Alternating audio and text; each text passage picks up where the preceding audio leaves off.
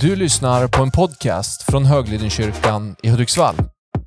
Vi hoppas att den ska uppmuntra dig i din vardag. För att få mer information om oss och allt som händer i kyrkan, gå in på höglidenkyrkan.se. Mycket med, med, med det praktiska, men i alla fall. Jag har en, en, en, en, en uh, bok med mig som jag har skrivit här som heter Transformed by the Grace of God. From brokenness to fruitfulness and Christlikeness. Den, den finns bara på, på engelska än. Och jag skrev den på engelska för att vi jobbar egentligen mycket mer utomlands och har ett mycket större nätverk ut över världen än vad jag har i, i Sverige. Så jag bara konstaterar att skulle jag ha skrivit den här på svenska så hade jag tappat ungefär 75% av vårt, av vårt nätverk då. Men den handlar om den förvandlande kraften egentligen i, i, i Guds nåd. Och det, det är väldigt kopplat till det jag ska tala om, eller det, det vi håller på att tala om under den här konferensen med den heliga Ande. Därför att eh, när jag blev frälst, jag hade som ett ganska radikalt möte med, med Jesus då. Jag var faktiskt på väg att ta livet av mig och, och, skulle liksom hoppa och ta livet av mig. Och precis när jag skulle liksom göra detta så talade Jesus till mig och sa att jag har något bättre för dig, gör inte det här. Utan, utan liksom så. Och så, eh, jag hade kämpat jättemycket med självmordstankar och ångest och, och så här, sociala fobier och grejer under ganska lång tid. Eh, hade några vänner som, som bett för mig, fastat för mig, stått med mig. Fast jag inte visste om det då ganska länge. Eh, de, eh, de, tog hand om mig och eh, jag eh, ganska snabbt, då jag blev hungrig på allt som var Bibeln, undervisning och allt sånt här. Jag tog in massor och tänkte jag ska leva för Gud. Och då insåg jag att det kristna livet låter helt fantastiskt. Det är bara det att jag är rätt värdelös på det. Så jag får inte till det. och, och, och, så upptäckte jag att jag försökt leva det kristna livet utan Kristus och det funkade dåligt. Och då upptäckte jag liksom kraften i Guds nåd. Att det som är hela skillnaden mellan ett liv i, i liksom kamp och prestation och lagiskhet jämfört med ett liv eh, i, i, i, i frihet handlar om Guds nåd. Alltså att Guds nåd är ju egentligen två saker. Dels är det hans oförtjänta välvilja, att han vill oss väl, är god mot oss och älskar oss. Eh, fast vi inte har förtjänat det. Och eh, eh, sen är det också hans verksamma kraft, att allt det Gud är och har har blivit ställt till vårt förfogande. Så att vi kan vara och göra allt det han har kallat oss till. Och så, eh, den, den här boken handlar, handlar om det. handlar rätt mycket om helande och upprättelse. Och hur vi är fri från syndens makt och fiendens makt och sådär. Och så ett stycke om den heliga Ande och nådegåvor och allt sånt där också. Så att den, den, den kommer finnas här ute. Eh, 150 kronor kostar den och alla pengarna går in i vårt eh, missionsarbete. Vi jobbar ganska mycket ut över världen just nu och ganska mycket, ganska aktiva under, under pandemin också i, i olika muslimländer. Jobbat mycket in mot Afghanistan bland annat och så en del stängda länder som jag inte ska, ska liksom nämna nu i och med att det spelas in här. Men, men, men vi har i alla fall sett under pandemin hur en kanske 12, 13, 1400 har kommit till tro, muslimer, i de här stängda länderna som liksom en liksom konsekvens av att Gud har liksom kunnat, att vi har kunnat, kunnat skicka ut olika program och olika sådana saker. Det har varit jättespännande. Det är inget, jättesiffror kanske, men det är i alla fall väldigt spännande att få vara med. Och vi fick veta, fick tillbakamälning här på förra veckan, eller för några veckor sedan, att det har vuxit fram en församling i ett av de här länderna och de säger att vi har liksom samlats och lyssnat på de här programmen. Och så har folk blivit frälsta och nu är vi som en församling, så alltså ni får ta hand om oss. Så. Det är ganska spännande, eller hur? Och, och, och, och, så pengarna för boken går in och, och liksom Stötta detta. Ni vet, ibland tror ju folk att vi är resande predikanter. Vi står och pratar en, en timme så här på kvällen och sen går vi hem och så vältrar vi oss i pengarna på sängen sen framåt natten. Eh, eh, eh, så gör inte jag, utan vi har en kassör. Som, så jag ser inte pengarna som kommer in på kontot. Utan jag har inte ens tillgång till vårt konto om jag skulle vilja. Utan, utan vi har en kassör som förväntar detta och så, och så, och så jag har ju min lön då såklart och lite så här reseutlägg och grejer som jag får. Men annars så går de här pengarna in i missionen. Så vill ni stötta oss så vore det jättefint. Då kan ni bara eh, jag kommer sitta här ute, vi kommer be för folk här ute, så kommer jag sitta ute i kafédelen sen och så kan ni komma ut och köpa boken. Det finns också instruktioner om hur man swishar och sådär. 150 kronor. Och, men det är klart, vill man stötta med mer så är det bara att säga till. Det är inga problem. Eh, men i alla fall, nu ska vi, nu ska vi gå in och bara fortsätta tala lite grann om, om den heliga Ande. Och det är ju så, vet ni, med pingst att det går ju inte att tänka på pingstdagen och så här utan att tänka på den heliga Andes liksom eld, eller hur? Vi läste ju här tidigare att Jesus sa, att, att Johannes döparen sa att eh, efter mig kommer en som är starkare än jag. Jag är inte ens värd att knyta liksom hans sandalremmar. Eh, han ska döpa er i den heliga Ande och i eld. Och jag började nämna lite grann tidigare att den här elden, det tänker folk ofta inte på va? men det, det, det är egentligen eh, eh, en bild på Guds kärlek. Och jag tänkte vi ska börja där, för när vi tittar på vad som hände på pingstdagen så handlar inte det bara om att du får kraft att göra någonting utan det handlar om att du blir uppfylld av någonting som förändrar din inre värld. Ni kan ju den här texten, eller hur? I Apostlagärningarna 1 och 8. Att när den helige Ande kommer över er ska ni få kraft till att bli mina vittnen. Ja, i Jerusalem, Judeen, Samarien och ut till jordens yttersta gräns. Att vara ett vittne handlar ju inte om att kunna återberätta en story. Utan att vara ett vittne är ju någon som har sett, hört och upplevt någonting som är viktigt. Eller hur? Och, och, det är precis det som händer när den helige Ande kommer över oss. Det finns en kraft i det vi får uppleva. Och Höga Visan är ju en fantastisk bok egentligen. Det är en bok som beskriver, det är, det är ju kung Salomo som skriver Höga Visan och han beskriver egentligen en, en en eh, Eh, kärlekshistoria kan man säga mellan honom och, och liksom bruden då. Och så är brudens bröder med lite grann och vännerna och sådär. Men det handlar egentligen om hur de eh, har liksom en, en, en relation och hur de längtar efter varandra och så här. Och, och, och, det är ju en bild på Kristus och församlingen. Och det var så målande beskrivningar i Höga Vissa faktiskt att i olika tider i kyrkohistorien så fick inte vem som helst läsa den här. Utan de tyckte att det är för liksom, de tyckte det är nästan som erotiskt laddat i Höga Visan. Så att därför måste vi vara försiktiga med som kan läsa den. Det kan bli konstigt annars så. Men det, var ju, det är ju en bild på Kristus och församlingen här kan man säga. Och, och, och, det finns ett stycke i slutet av Höga Visan som vi ska läsa som beskriver Guds kärlek. Sådär. Eh, vers, eh, I Höga Visan 8, vers 5 till och med vers 7. Där står det så här.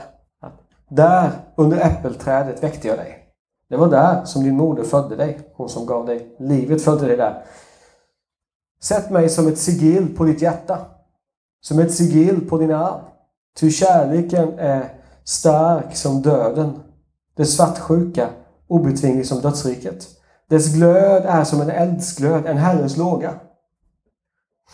Det största vatten kan ej släcka kärleken, strömmar kan ej dränka den. Om någon vill ge alla rikedomar i sitt hus för kärleken skulle han ändå bli försmådd. Så kärlekens glöd är som en eldsglöd, en Herrens låga. Ta med den här texten så tänker ni på när det står hur Jesus kom för att döpa oss i den heliga Ande och i eld. Döpa oss i Guds eld, eller hur? Döpa oss i Herrens låga. Döpa oss, nedsänka oss i sin kärlek. En kärlek, står det, som är starkare än döden. Som inte kan utsläckas. Mm. Som inte kan dränkas. Och oavsett hur mycket man vill ge och betala för kärleken så finns det ingenting som är en sån stor skatt som att veta att man älskar av Gud. Och jag brukar ofta säga det, vi kör ju ofta sådana här eh, eh Många av er har inte mött mig förut men, men när jag liksom undervisar på olika platser så här så, så talar jag ganska mycket om det här med Faderns hjärta och Faderns kärlek och så här. Och en sak som jag ofta säger det är att det är en sak att veta att Gud är far och att han älskar. Det är inte det jag är ute efter. Utan det det här handlar om, handlar om att veta att Gud är min pappa och leva i en daglig erfarenhet och visshet om att han älskar mig. Det är som en skillnad mellan kunskap och uppenbarelse. Och vi sa tidigare att när den helige Ande uppfyller våra liv så kommer han och uppfyller våra hjärtan med den här kärleken. Vi läste Romarbrevet 5 och 5. Ja, alltså, Hur den helige Ande utgjuter den här elden, glöden i våra hjärtan och uppfyller våra hjärtan med sin kärlek. Ja. Fyller oss med ny motivation. Som förvandlar våra hjärtan. Han hjälper oss att älska Gud. För vi har inte kraft att älska egen, egen kraft, eller hur? Vet, det största budet i lagen var ju du ska älska Herren din Gud av hela ditt hjärta, all din kraft, hela ditt förstånd och all din själ och allt vad det var. så här. Då ska man älska sin nästa som sig själv också. Kommer du ihåg den dagen, den vecka, det år när du fick till detta?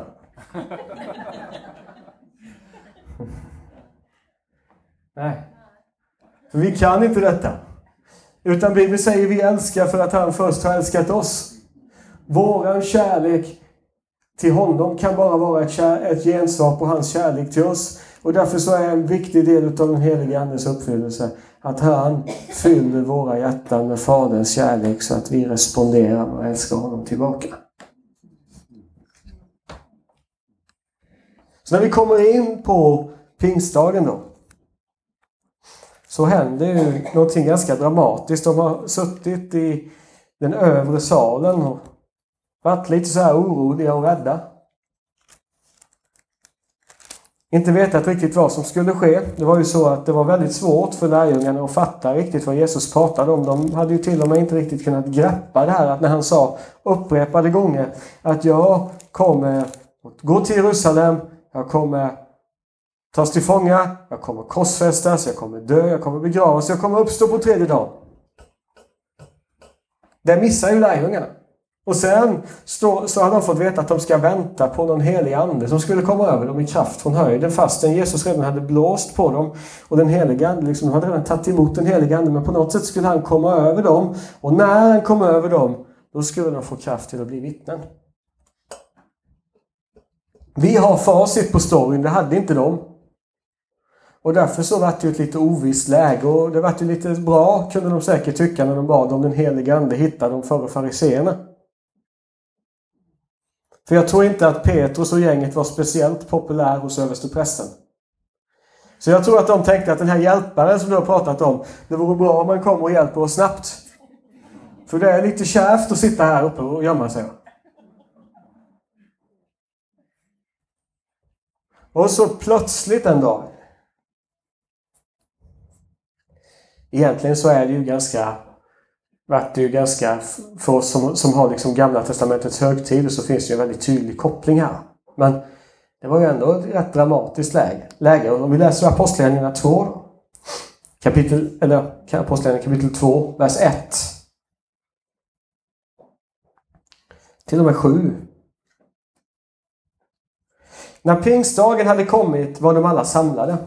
Då kom plötsligt från himlen ett dån som när en våldsam storm drar fram och det fyllde hela huset där de satt. Tungor som av eld visade sig för dem och satte sig på var och en av dem. Och de uppfylldes alla av den heliga Ande och började tala främmande språk allt eftersom Anden ingav dem att tala. Nu bodde i Jerusalem fromma judiska män från alla folk under himlen. Och när dånet hördes samlades folkskaran och alla blev mycket uppskakade eftersom var och en hörde sitt eget språk talas. Häpna och förundrade sa de, är de inte galileer alla dessa som talar? Så plötsligt, när de alla var samlade, så bara blir det ju ganska dramatiskt. Ibland säger folk till så här, liksom de brukar citera från Gamla Testamentet i Kungaboken när Jeremia sitter ute i grottan. Och han kom inte i jordbävningen och inte i stormen och inte i, så här, och inte i elden utan han kom i den stilla viskningen. Så när Gud talar, talar han i den stilla viskningen. Och då blir mitt svar att ibland gör han det. Men här var det inte en stilla viskning. Utan här var det som en storm som drog fram. Ett dån, en våldsam storm. Och som fyller hela huset. Och lite senare så skakar ju faktiskt hela huset när de var tillsammans också. Det var inte bara människor som skakade utan hela huset skakade den gången.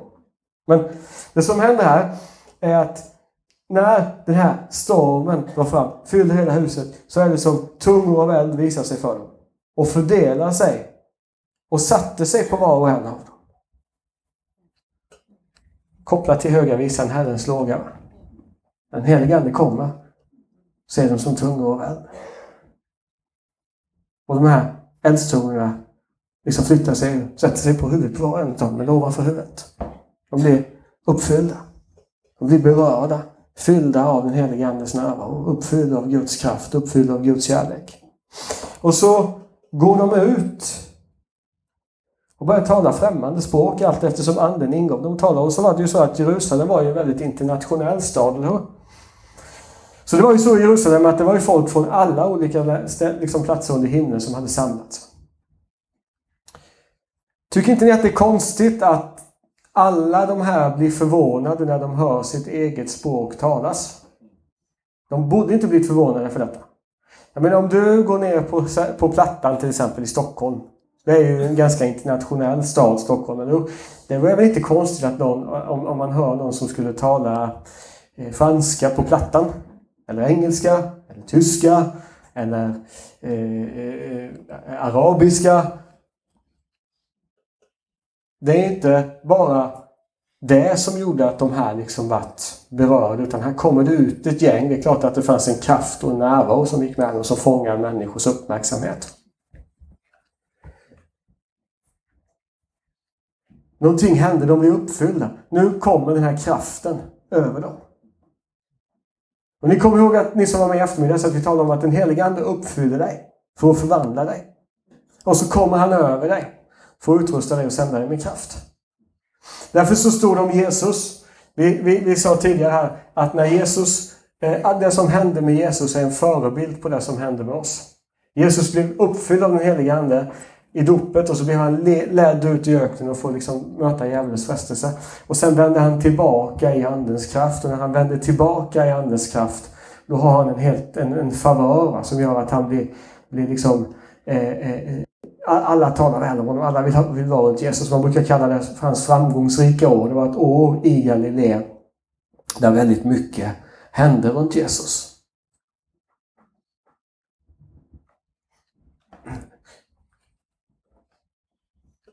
Och det som hände med Jesus är en förebild på hur Gud verkar med oss. På samma sätt som den helige Ande kom över Jesus, han kunde återvända i Andens kraft, så blir vi led ut i Andens kraft. Det den kraften som kom över lärjungarna på pingstdagen. Den helige Ande finns i oss, finns i som ett sigill på frälsningen i alla kristna. Alla kristna har den helige Ande. Men det är skillnad på att ha den helige Ande i mig eller att den helige Ande kommer över mig i kraft. Och han vill att vi ska leva i en kontinuerlig liksom, beröring och uppfyllelse av den helige Andes närvaro och kraft så att vi kan rustas då. När det här händer så blir ju folk lite förvirrade. Det, det skakar om lite grann i Jerusalem här så Petrus får lite längre fram förklara vad det är som händer. Vers 14 och framåt i Apostlagärningarna 2 säger han att då trädde Petrus fram tillsammans med de elva och tog till orda och talade till dem. Ni judiska män och alla ni som bor i Jerusalem. Detta bör ni veta och lyssna nu på mina ord. Det är inte som ni tror att dessa är berusade. Det är ju bara tredje timmen på dagen. Nej, det är detta som är sagt genom profeten Joel. Och det ska ske i de sista dagarna, säger Gud. Jag ska utgjuta av min ande över allt kött.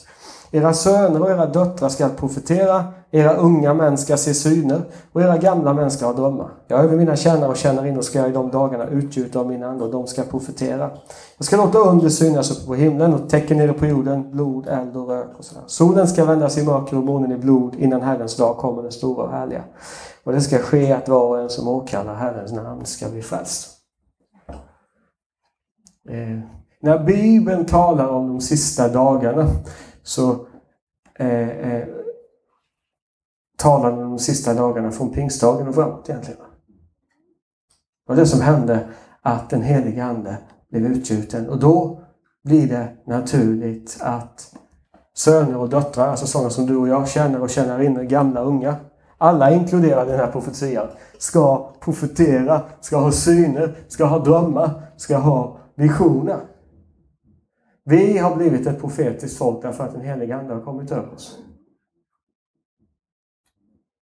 Vi har fått kraft att bli vittnen för att den heliga Ande har kommit över oss.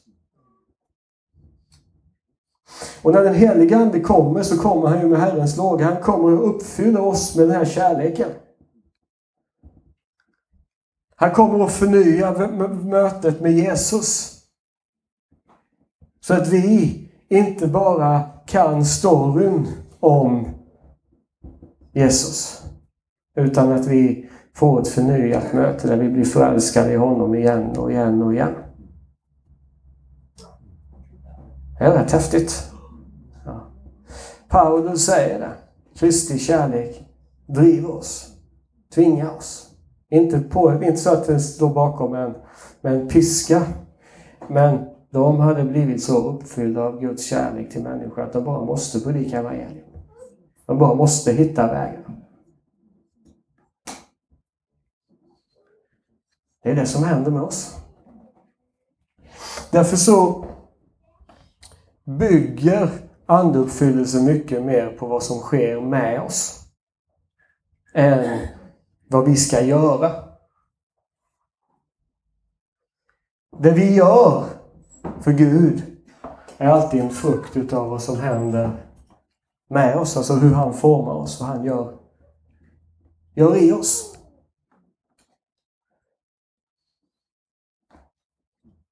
Jag menar, ta Petrus. Du har en kille som har varit livrädd för en, för en slavflicka som frågar Var inte du med den här liksom profeten från Nasaret? Nej, nej, jag känner honom inte. Ja, men jag såg ju dig där. Du, du har ju den här dialekten va? Den avslöjar ju dig. Precis som din småländska avslöjar mig lite grann. Så här. Nej, nej, jag känner honom inte. Och så tredje gången. Nej, jag vet inte vem han är. Så, och så står han där och svär och förbannar och förnekar Jesus. Det här sker typ 40 dagar senare. Att samma kille står upp och predikar så att 3000 blir frälsta. Det är rätt lätt att fatta. Det som hände med Petrus var inte bara att han liksom blev kreativ och skapade en ny predikan utan någonting kom och tog över i hans liv och förvandlade honom. Och Det här har varit någonting som jag har kunnat relatera till för som jag sa tidigare så hade jag ju en väldigt Eh, mycket liksom ångest och oro, mycket sociala fobier. Eh, min värsta fruktan i livet var att stå och prata framför folk. Det var det absolut värsta jag visste. Eh, eh, eh jag växte upp, jag brukar få höra det hemma. Eh, mamma sa ofta till mig att, att en sak du i alla fall aldrig kommer göra är att stå och prata framför folk.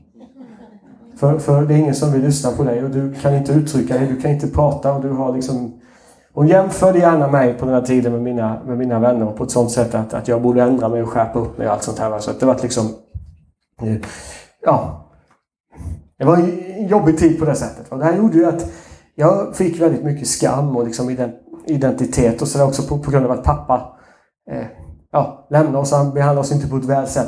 Jag växte upp med väldigt mycket osäkerhet. Det var så illa för mig att om jag var ute och gick och så kommer två, tre personer och går motsatt riktning. Så vände jag och gick runt kvarteret för att slippa se folk. Jag kunde inte, jag kunde inte möta folk. Jag fick panik så jag satt mest inne på rummet liksom med persiennen neddragen och sådär. Och så blev jag frälst. Och så bara får jag de här tilltagen att du kommer resa över världen och predika evangeliet. Jag började ju skratta först. Och sen när jag insåg att det är en helig ande som talar till mig så tyckte jag synd om honom. Så har du ingen bättre. Vet, vet du inte vem, vem, vem jag är? Ja, men det är precis det han vet, för han visste att om något positivt skulle ske genom mig så måste det vara Gud. Jag vet att jag kan inte göra det här. Men det som hände var ju att den helige Ande börjar fylla mig med kärlek till, till, till, till, liksom, till Gud, till människor på ett sådant sätt att jag kunde inte låta bli. Och helt plötsligt så var den här fruktan bruten makten av. Därför att jag har sett Jesus. Den helige Ande gör oss inte till vittnen bara genom att tala om och ge oss strategier, utan genom att ge oss en förnyad vision av Jesus. Det är klart det är bra att ha strategier och ha liksom olika någon, någon, typ av plan och så. Jag menar, jag, jag har liksom ofta ett år i min kalender bokat framåt nästan. Så alltså, det är klart att jag måste ha någon typ av strategi och någon budget och allt sånt där. Det, det är bra att veta vad man gör. Men det är inte det som är drivkraften. Utan det som händer är ju att den helige Ande kommer och uppfyller lärjungarna med Guds kärlek och gör dem till vittnen. Och den här kärleken växer. Därför att den helige Ande pekar på Kristus. Har du någon gång haft så här, varit med om riktigt goda nyheter i ditt liv? Ja, att det är svårt för dig att berätta om det? Nej, jag har just gift mig, jag vet inte om jag vågar säga någonting. Jag vet inte hur jag ska berätta om att jag har fått barn.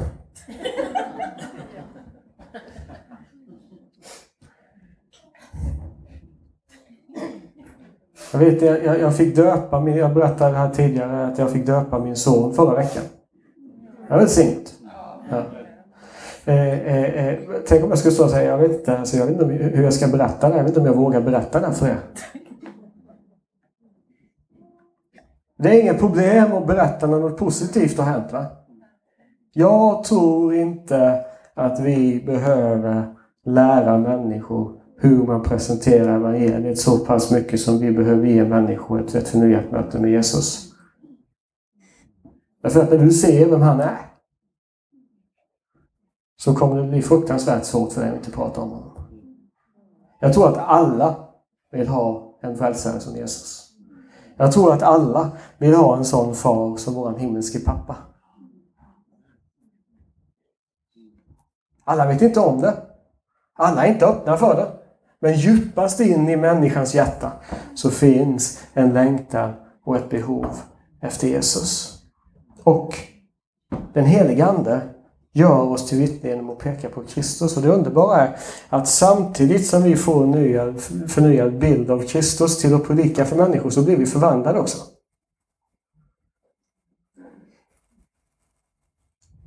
För Guds plan med dig när du blir frälst, det är att han har ju, står det i Romarbrevet 8.29, förut bestämt dig till att formas efter hans sons bild. Alltså det finns någonting som inte är förhandlingsbart och det är att du kommer se ut som Jesus. Om inte annat så kommer du se ut som Jesus när han kommer tillbaka, för då kommer ju alla förvandlas då. Men det är ju bra både för dig och för omgivningen om det sker lite förvandling nu. Det blir som detta att leva med då, eller hur? Och jag har behövt en massa förvandling. Och behöver en massa förvandling. Det här sker samtidigt. Den helige Ande, står det i Andra Korinthierbrevet 3, vers 17 till 18, står det så här. Vi kan läsa vers 16 till och med vers 18 först. Mm. Men närhelst någon omvänder sig till Herren tar slöjan bort. Herren är anden och där Herrens ande är, där är frihet. När den helige Ande kom över församling så, så var det liksom en Wow! Guds frihet kom in. frihet från en massa betryck och förkastelse och bundenhet och bojor och grejer försvinner när den helige Ande kommer in. Och strömmar av levande vatten blåser bort det här skräpet som vi kan ha i själen. Och vi alla som är avtäckt ansikte skådar Herrens härlighet som i en spegel. Vi förvandlas till en och samma bild från härlighet till härlighet. Det sker genom Herren, Anden. Så den heliga Ande både uppenbarar Kristus för oss så att vi får kraft att predika och den heliga Ande förvandlar oss Genom att när vi ser på Kristus så förvandlas vi till hans avbild. Från härlighet till härlighet så sker en förvandling. Det är inte frågan om hur mycket måste jag förvandlas, utan hur mycket förvandling kan jag uppleva? Hur lik Jesus kan jag bli? En av mina mentorer brukar säga, jag är så Kristuslik att det är skrämmande. Men jag är för ödmjuk för att skryta om det. Ett skämt såklart. Ja. Jag brukar be att han ska få växa i självinsikt. Men i alla fall så blir det väldigt svårt att vittna om någonting som man ska tycka är bra, för man har lärt sig att man ska tycka att det är bra. Men man har inte upplevt kraften bakom det och inte mött personen bakom det. Och det den helige Ande gör i anduppfyllelse, det är att han gör Jesus levande. Det leder till att du både får vision för att nå människor för evangeliet och samtidigt så sker någonting i ditt liv. Och det är ju den helige Ande som ger kraft så att vi orkar stå pall i trycket. Ni vet det här med att nå ut med evangeliet kan innebära många olika saker. Jag har stått på en plattform i Indien och sett hundratals komma till tro. Jag har suttit på en parkbänk i Skellefteå och bett med en, eh, någon som hade förstört sitt liv och var på väg in i fängelse men som ville bli frälst och satt och grät floder. Jag har också suttit i fängelse för evangeliets skull och varit mordhotad och slagen för evangeliet. Det är samma heliga Ande som verkar och ger kraft. I alla de här situationerna.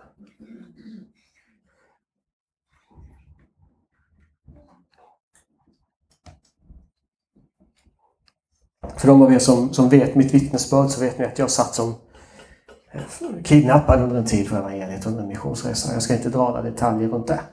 Men efteråt så har folk ibland kommit fram till mig och sagt så här att du, vilken, du är radikal, liksom, vilken överlåten du är som, som står fast och som inte böjde dig och så här. Jag säger alltid så här att du, jag brukar alltid tänka, eh, inte alltid att säga någonting, men jag brukar tänka på att du har, inte, du har missförstått alltihop. För det är inget speciellt radikalt och häftigt med mig. Jag är inte så här så att jag har speciell karaktär och bara kan stå fast. Utan det som är grejen är att jag har upplevt kärleken från honom som gav allt för mig. Och den kärleken har uppfyllt mig så mycket att det går inte annat än att ge allting tillbaka.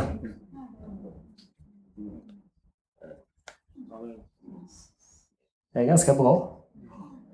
Det är skillnaden mellan lag och evangelium. Därför att om du försöker gå ut och vinna människor och vittna i egen kraft så kommer du bli knäckt. Jag har jobbat tillräckligt mycket med evangelisation och mission för, för att se skillnaden. På människor som har fått tag på någonting ifrån Gud och gå ut därför att man är driven av Guds kärlek eller människor som försöker övertyga sig om att jag borde göra detta. Folk ser ju skillnaden också, eller hur? Det är därför vi kallar till att vara vittnen och inte historieberättare. Och ett vittne är någon som har sett och upplevt någonting. Fått möta någonting som är avgörande för situationen. Eh, det du har sett av Jesus, det den heliga Ande har visat för dig, är det som är levande för dig som du kan ge vidare till andra människor.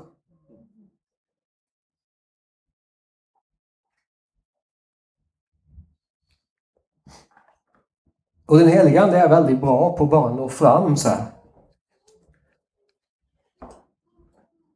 Jag hade en bön som jag brukar be i början när jag precis hade blivit frälst. Och jag har sett hur den har blivit besvarad genom åren egentligen. Och det var det att, jag, vet, eh, jag brukar sitta på bussen till skolan så här första veckan efter jag hade blivit frälst. Och, och så, jag fick ju liksom eh, eh sitta och titta ner eller liksom ha huvudet i jackan eller någonting därför att jag, jag, eh, eh jag sitter ju sitter och gråter.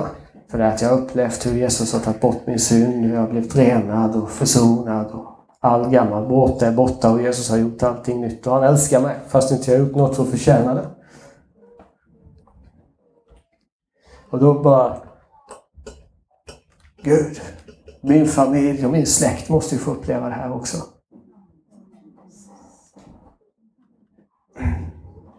Och i början så gick det inget bra, va? för jag hade väldigt mycket hjärta men jag hade inte så mycket vishet. Så jag kommer ihåg en gång jag gick in i tv-rummet hemma och tog tv-dosan och stängde av och så började predika för dem och sa att om inte ni omvänder er så går ni till helvetet allihop. Och då får ni se att det var jag som hade rätt. De vill inte bli frälst då. En annan gång så tänkte jag att kanske om jag ställer mig och talar i tunga att de...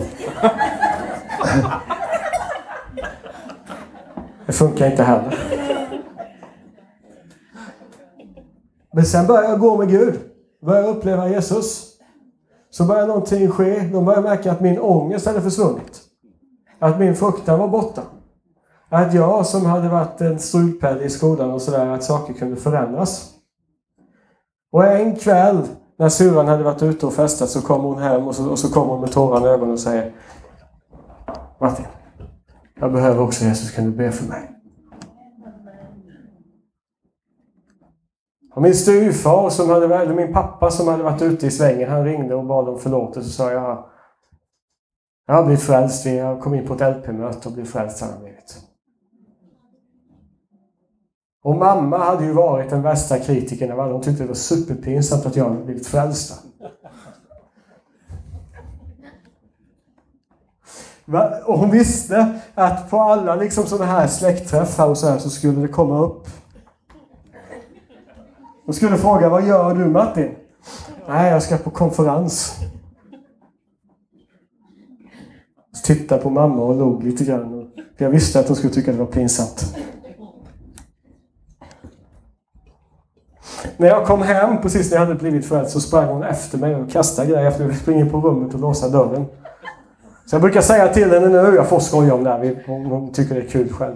Jag får skoja om det. Jag har sagt till henne, kommer du ihåg när jag fick löpa gat, gatlopp hemma på rummet? Det var som min ingång. Så jag kände att jag behövde en helig ande bara för att klara dagen. För min fru var det ungefär på samma sätt när hon, kom, när hon hade blivit frälst. Det var innan vi hade träffats och ungefär samtidigt. Hon och jag träffades vi sen på bibelskola. När hon kom hem och berättade för sin pappa att hon skulle gå på bibelskola så var han ju vansinnig och sa vad är det för dotter jag satt i världen egentligen? Så. Men hennes mamma och hennes bror och hennes, ja, en massa där har kommit till tro också faktiskt. För över tid så hörde de inte bara vad de sa utan de såg att Jesus faktiskt gjorde någonting i våra liv och att det här var på riktigt. Mamma tänkte ju att ja, Martin han har fått en sån här knäpp igen, han går in i någonting. Det har varit en massa nyandliga grejer och så här, nu, han, nu blir det Jesus. Det går över. Men så märkte hon att det gick inte över. Och så när jag var borta på missionsresa, jag satt ju fast under en tid då, som, som jag sa Så står hon på jobbet, hon jobbar på fabrik under den här tiden och så. Helt plötsligt så när hon tittade upp så sa hon att jag såg som en ljusgestalt från himlen som stod framför mig. En ängel, men det visste inte hon. Och så hörde hon bara hur den här, hur den här talade till henne och sa att du behöver inte vara orolig för din pojke, vi ska få hem honom igen. Så försvann den. Och då kände hon att det kanske är på riktigt det här idag. Så gick hon och lyssnade på predikan om mig. Och, så, gick, och så hörde hon man, fick hon lära sig hur man skulle bjuda in Jesus i livet. Så då gjorde hon det. Sen hörde hon en annan predikan hur man kunde bli fylld av den helige Ande. Så gick hon ut i skogen igen. En promenad. Bad.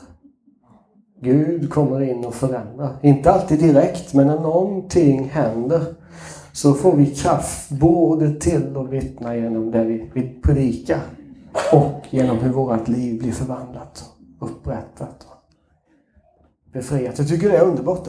Därför att det gör att det här blir inte den här lagiskheten. Det handlar inte så mycket om vad du gör för Gud som vad den helige Ande gör i och genom dig. Och det är häftigt då att se människor förvandlade. Och bara få se hur människor får, får, får mörkrets makter brutet över sig och får se det här betrycket släppa. Jag kommer ihåg en gång i Skellefteå, det var, det var liksom en som ringde mig, en tjej. Hon, hon ringde och så, och så, så här, är det du som är den där prästen? Ja, vadå för präst? Jo, han som håller på med healing och exorcism och sådär. Jo, så jag, det kan man säga. Jag jobbar med det. Jo, för jag har hört om dig. Och jag var liksom och skulle få hjälp och då sa de att du borde prata med den här Martin så jag tänkte jag ringer. Kan vi ses? Så ja, ja, vi ses på stan. Och vi sitter och pratar och hon vart ju jättehatisk emot evangeliet och jättearg på mig och jättefrustrerad på allt vad kristna hette för hon hade vuxit upp i ett kristet hem men det hade inte landat hos henne. Så hade hon, hon hade bara mött den här lagiskheten. Livsstil, skärp dig. Slog ju bakut och lämnade och så. Jag kan förstå det också. Där. För jag menar, det kristna livet utan Kristus, det är inte så kul. Då går hon, går hon ut och så, och så, och så, och så liksom, eller lämnar det och så, så men då har hon fått problem i livet och då vill hon ha hjälp. Och sitter vi och pratar och hon blir mer och mer arg. Och hotar och förbannar och svär och så att till slut säger jag, vet du, jag tror inte att vi kommer längre i det här samtalet nu. Så jag tänkte att istället för att vi fortsätter prata, kan inte jag bara få be och välsigna dig? Jo, sa hon. Vi sitter på en parkbänk i Skellefteå. Hon var väl lite halvt påtänd också kan man säga, så det var lite speciell sättning faktiskt där. Men du vet, den helige ande är inte nervös för sånt. Den, du vet, den, den, den, Jesus skäms inte för din röra. Vi, vi har många gånger den här tanken att våra svagheter, våra brister, våra misslyckanden, våra problem, det, får man, det ska man inte visa. Och, och, Jag märker att många tar det där med sig omedvetet in i relationen med Gud också. Så det blir som att man tänker att Gud älskar mig. Men jag kan inte komma till honom som jag är, utan jag måste på något sätt städa undan det här. Jag måste liksom sminka mig först. Stoppa undan det värsta så. Men sånt funkar inte han. Han kör inte med skam och fördömelse. Han älskar dig som du är. Och han älskar dig mitt i skiten. Och du vet, han har redan sett allt i alla fall, så det finns som ingen anledning att försöka gömma någonting. Jag brukar ibland säga att Gud är som världens bästa stalker. För han ser dig, han hör dig, han är med dig. Det var någon som sa till mig en gång att jag försöker springa ifrån Gud. Ja, svårt att springa ifrån någon som finns överallt. Och som dessutom springer snabbare än dig. Jag älskar den här översättningen av psalm 23. Det finns en engelsk översättning som säger Goodness and mercy shall hunt you down. Godhet och nåd ska efterfölja dig allt ditt livs dagar. Men en annan översättning, Goodness and mercy shall hunt you down. För att han springer snabbare än du. Han älskar dig för mycket för att släppa taget om dig. Så du kan springa. Men när du försöker gömma dig bakom, bakom en buske från honom så står han där och säger bu, vet du. Han älskar dig. Han kommer, och han skäms inte för din röra, dina problem och din kamp. Men han kommer att möta det där. Kommer att bevara det. Det var det han gjorde.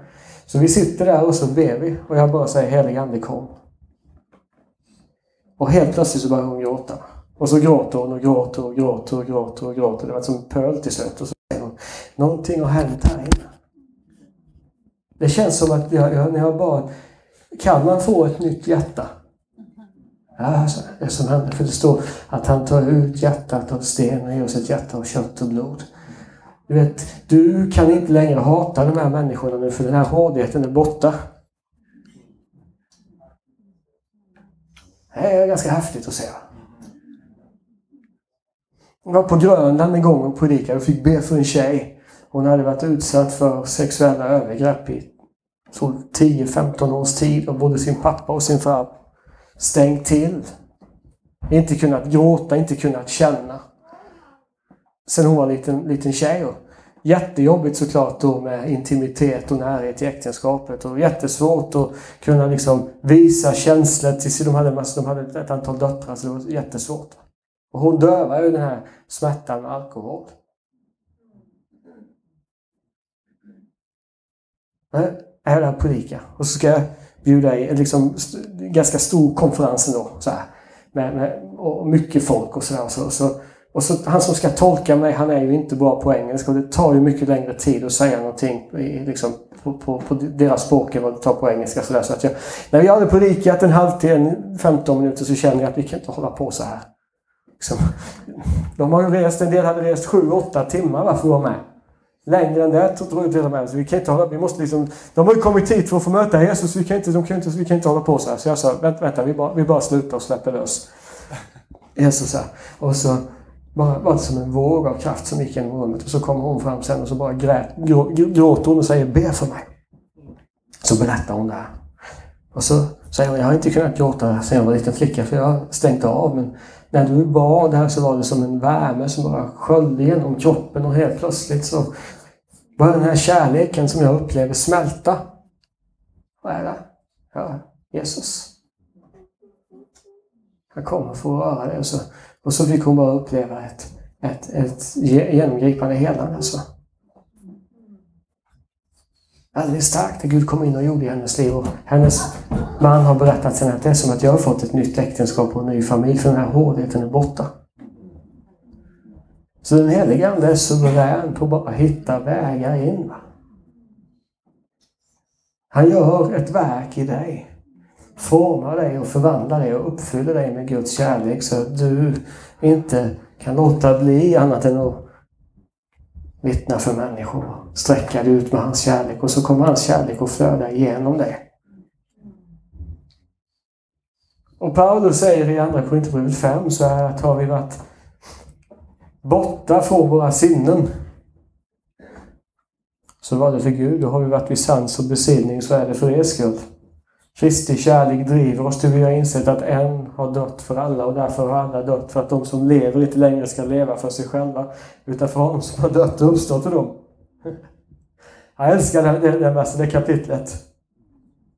Att Hans kärlek har blivit en sån drivkraft i Paulus och gänget att de sa, är vi borta, är vi lite så här, är vi, är vi lite så här knäpp borta, lite eljest, så är det för Gud. Och är vi i sans och besinning så är det för er skull, för det är bra om man kan liksom ja, kommunicera när man ska så, prata. Men Drivkraften som kom med att Paulus blev uppfylld av den helige Ande var så stark att han gick från att vara en religiös terrorist och massmördare som förstörde en massa människors liv till att bli en man som drivs av kärlek för att lägga ner sitt liv för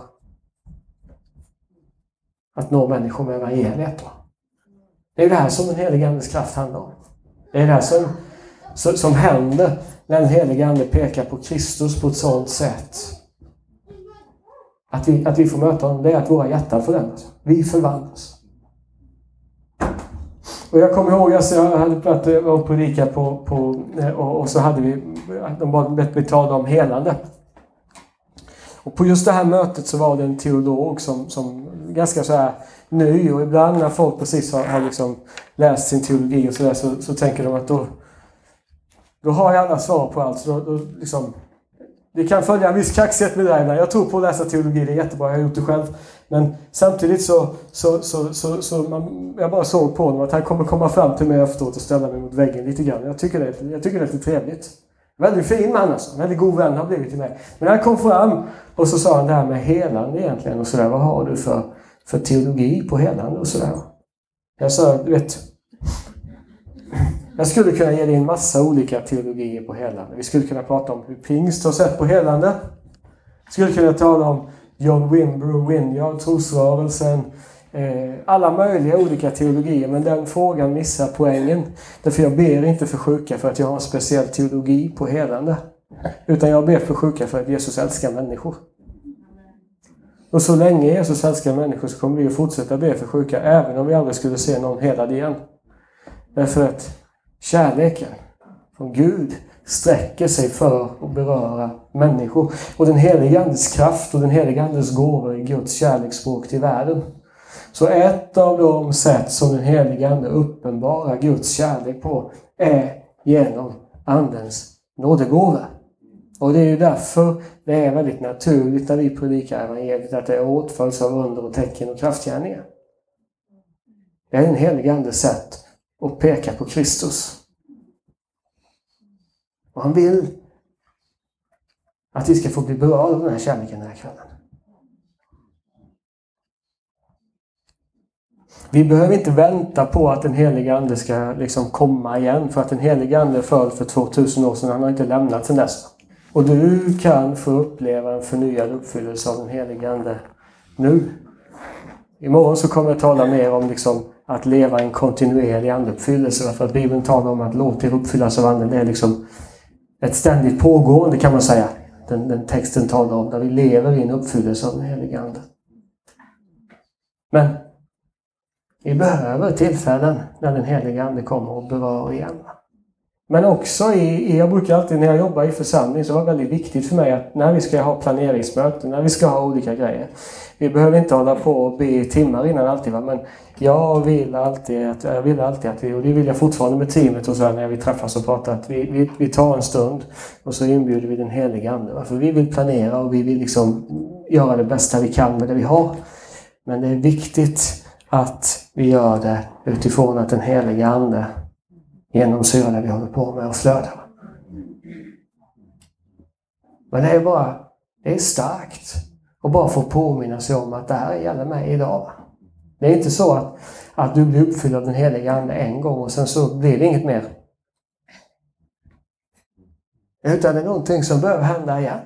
Och jag, jag, vet, jag, jag möter vänner ibland som glömmer bort det här och jag brukar alltid säga det till Gud att vi har en bön hemma som vi ofta ber, jag och min fru. Så här, Gud, vi måste bevara oss från att bli experter.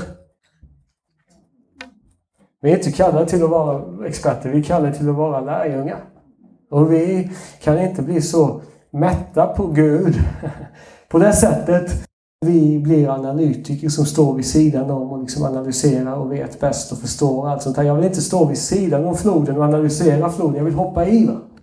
Jag vill hoppa i den heliga Andes stund. Inte analysera den och veta liksom hur den borde se ut och hur det borde vara och vad som inte skulle vara. Och så här. Jag hoppar hellre i. För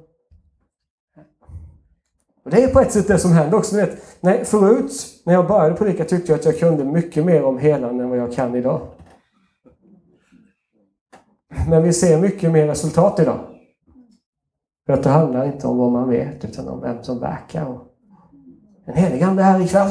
Jag tror jag ska beröra dig. Så Fader, vi tackar dig just nu för att du bara vill möta med oss och jag bara ber dig om att du bara ska komma och uppfylla oss med din Ande och din närvaro och din kraft igen och igen och igen.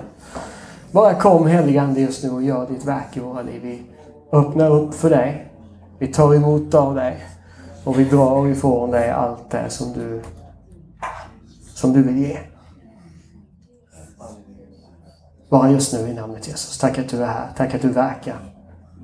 Tack att du kommer och uppfyller och tack att du kommer och gör någonting nytt just nu. Vi prisar dig för att du bara vill komma och fylla oss med kraft, att du vill fylla Fader med, med din närvaro. Bara, bara, bara förlösa tungotal, bara förlösa nådegåvor, bara förlösa alla de här sakerna i oss. Vi bara mm, tackar dig för det.